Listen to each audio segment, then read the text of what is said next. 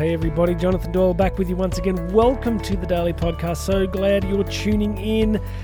Hope you had a chance to listen to some recent episodes. I, I'm, I'm hesitating to call it this, but it's pretty much David Goggins week here at the Daily Podcast. If you're not familiar with David Goggins, go check yesterday's episode because I'm a big fan of David Goggins and uh, I don't have a lot of heroes. My kids joke that David Goggins is my only hero. But uh, we'll get to that in a sec. First of all, please make sure you have subscribed. Hit that subscribe button, my friends. It is there for you. That subscribe button is just for you. And uh, please share this with family and friends. I just love getting this content out. We're going to have some really good guests coming up on the show very soon, which I think is going to be fantastic. So stay tuned to the content that's coming up. Go check out the links. You can book me to speak. You can book me for private coaching. There are links floating around here on the podcast. Wherever you're listening, there'll be links to the YouTube videos. Go check it out. Yesterday, we had a great David Goggins quote, and I'm just going to keep going because I've sourced some of my favorite David Goggins quotes. I think he's got a lot to teach us. I want to share it with you. Today's quote is really simple. Let's riff on it. It says this The only way to change your life, the only way to change your life is to change your mind. The only way to change your life is to change your mind. Sometimes these short quotes can be so powerful, right? But they just cut through. Think about it. The only change that is going to happen in your life is going to happen because of some shift in your cognitive approach towards it. You see, magical unicorns do not come out of the sky and sprinkle fairy dust and radically change whatever area of your life it is that you want to change, whether it's goals, whether it's relationships, whether it's fitness, whether it's diet, whether it's finance, whether it's spirituality. Very few of you listening have looked skyward and seen a unicorn descending with fairy dust, sprinkling it upon your head, and all of a sudden you're like, you know, 15 kilos lighter with a massive six pack. Now, how'd that happen? It's just like, well, I just, I didn't do anything. I just was walking outside, and the next thing I know, I'm ripped. That's not how it works, is it? So, how does it work? Well, our minds change. What we value changes. What we place value upon, how we use our time changes. What we think is significant, what we start doing or stop doing is all conditioned by our mind, by our ability for reason, rationality, for cognition. All of it starts there first. You know, let's just say you're struggling with fitness, right? And you and you're not happy with where your body's at, and you and that's that's the initial state, right? So you're starting from that position. You're, you're like, you know, you might be 10 pounds, 20 pounds, whatever, 10, 5, 10 kilos overweight, whatever it is, right? It's different for everybody if that's your situation. So sitting on that couch, you don't magically change, right? Like you don't start to lose weight by sitting on the couch. Well, there is one way you could do that by not eating at all, but we're not going to do that. So, what happens at first will always be what? A cognitive shift. That's why that famous book, you know, as a man thinketh, you know, you know, that's what the Bible says, as you know, as a man thinketh in his heart, so he is, so is he, right? So, what begins first is some shift in cognition. Now, that can be a different perceived future, right? So, we begin to perceive that we're not happy with our physical body, we want some kind of change. And so the next thing we know, we begin to exercise, or we go for that first walk, or we get out our phones or our laptops and we look up gyms in our area, right?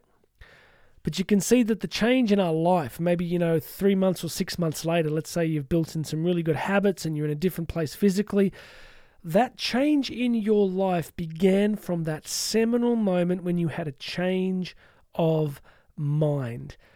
Sometimes we call it a change of heart, don't we? But there's a kind of a compenetration here between our emotional world, our heart, and our heads, but we change it in our heads. We we mentally perceive a different possibility. We begin to see a different kind of future.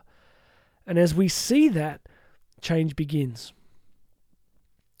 You know, as a few episodes ago, I had a thing, we had a quote from President Theodore Roosevelt who talked about belief. He said, If you believe you can, you're halfway there. If you believe you can, you're halfway there. If you change your mind, you are halfway to changing your life. What comes next is the physical actions, the change in diet, or the change in how you manage your finances, or the change in the quality of your marriage or relationships, or the change in your career. That change begins with that first cognitive shift. So that's an extraordinary power, right? extraordinary power that you begin to take some discipline over how you think. I have been saying this on the podcast for many years. I am still coming to terms with it. This incredible power that we actually have to stop accepting the garbage that our minds often wants to serve up. Often it wants to serve up really unhelpful things that are not going to move us forward, but we can. We really can. I have to work at this, change our thinking, change our minds, change how we actually structure reality by by realizing that we are not passive, that we don't have to think certain thoughts that we don't have to accept certain forms of cognition, that we can actually go, nah, I'm not thinking this. I don't go down that rabbit hole. Those days are over. I am changing my life and I am changing my mind. These things are possible. They're not easy, but they're possible. So, my encouragement to you today is to begin to think about changing your mind.